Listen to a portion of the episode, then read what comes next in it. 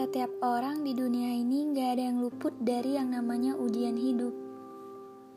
Aku juga. Ada yang melewatinya dengan kesabaran, ada juga yang merasa sedikit tertekan, bahkan menjadi beban yang begitu berat baginya.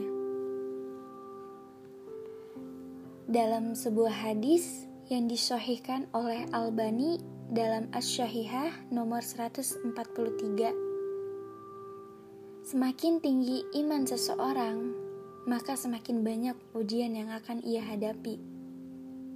Jelas, Nabi Shallallahu Alaihi Wasallam bersabda, orang yang paling berat ujiannya adalah para nabi, kemudian yang paling soleh, dan seterusnya. Seseorang itu diuji berdasarkan agamanya. Jika agamanya kuat, maka ujiannya juga semakin keras. Dan jika agamanya lemah, maka juga diuji berdasarkan agamanya. Dan ujian senantiasa menimpa seorang hamba hingga meninggalkan sang hamba berjalan di atas bumi tanpa ada sebuah dosa apa pun. Itu artinya kita ketika menepati sebuah ujian, itu Allah ingin menghapus dosa-dosa kita.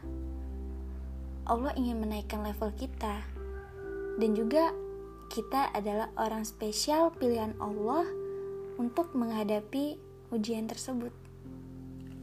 Coba deh kita renungin. Ada yang diuji dengan kemiskinan, ada yang diuji dengan harta, jabatan, dan kekuasaan. Ada juga yang diuji dengan mertua yang jahat. Ada yang diuji dengan ibunya, ada yang diuji dengan sahabat kerabatnya. Coba deh kita untuk berhusnuzon sama Allah. Sabar dengan ujian yang sedang kita hadapi. Dan kita harus bersyukur karena kita masih bisa memikulnya.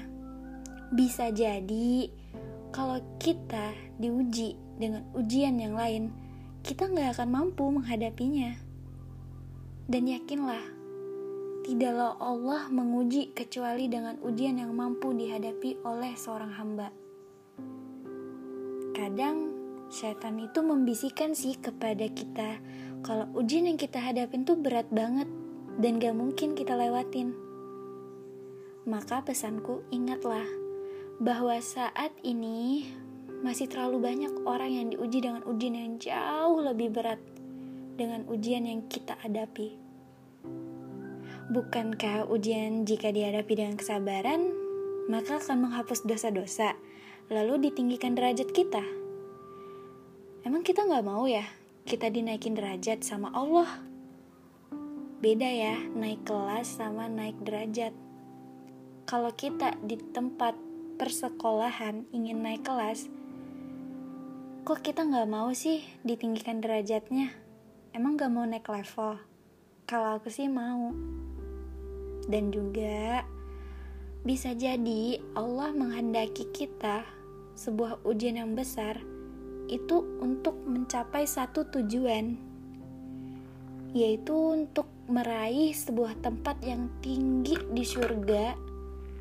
Dan itu hanya bisa diperoleh dengan ujian tersebut tidak dengan amalan-amalan yang selama ini kita lakukan amalan soleh tidak akan cukup menaikkan kita ke tempat yang lebih tinggi. Dan cara satu-satunya ya dengan melewati ujian yang Allah berikan. Dan juga nih, ingat, terkadang ujian itu membuat kita sadar bahwa kita ini tuh sebenarnya lemah. Kita butuh Allah. Hanya saja kadang kita terlalu sombong dan gengsi untuk mengakui kalau sebenarnya kita butuh Dia, Sang Maha Pencipta. Terkadang kita baru mengenal yang namanya khusyuk dalam sholat ketika kita baru merasakan sakit yang begitu dalam, cobaan yang begitu berat.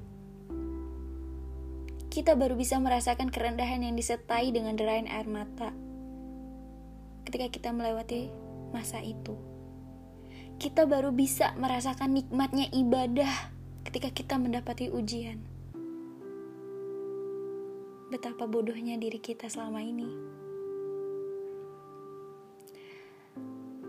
Ingatlah, ujian atau musibah yang menimpa kita terkadang menghilangkan sifat ujub dari diri kita. Karena di saat kita rajin beribadah dan selalu mendapatkan kenikmatan, terkadang timbul nih ujub dalam diri kita, merasa kita paling hebat, merasa kita paling beruntung, merasa kita paling di atas dari mereka-mereka yang di bawah. Jangan sampai kita salah persepsi dengan menganggap tanda cintaan Allah kepada seorang hamba adalah tidak ditimpanya seorang hamba tersebut dengan musibah yang lebih berat. Sama berhusnuzan nih sama Allah. Yakin bahwa di balik ujian dan musibah yang menimpa kita, pasti ada kebaikan dan hikmah. Justru ujian tersebut datang dan tidak menimpamu, maka itu akan menjadi kondisi kamu itu menjadi buruk gitu loh. Seperti Allah berfirman, dan boleh jadi kalian membenci suatu hal padahal ia amat baik bagi kalian.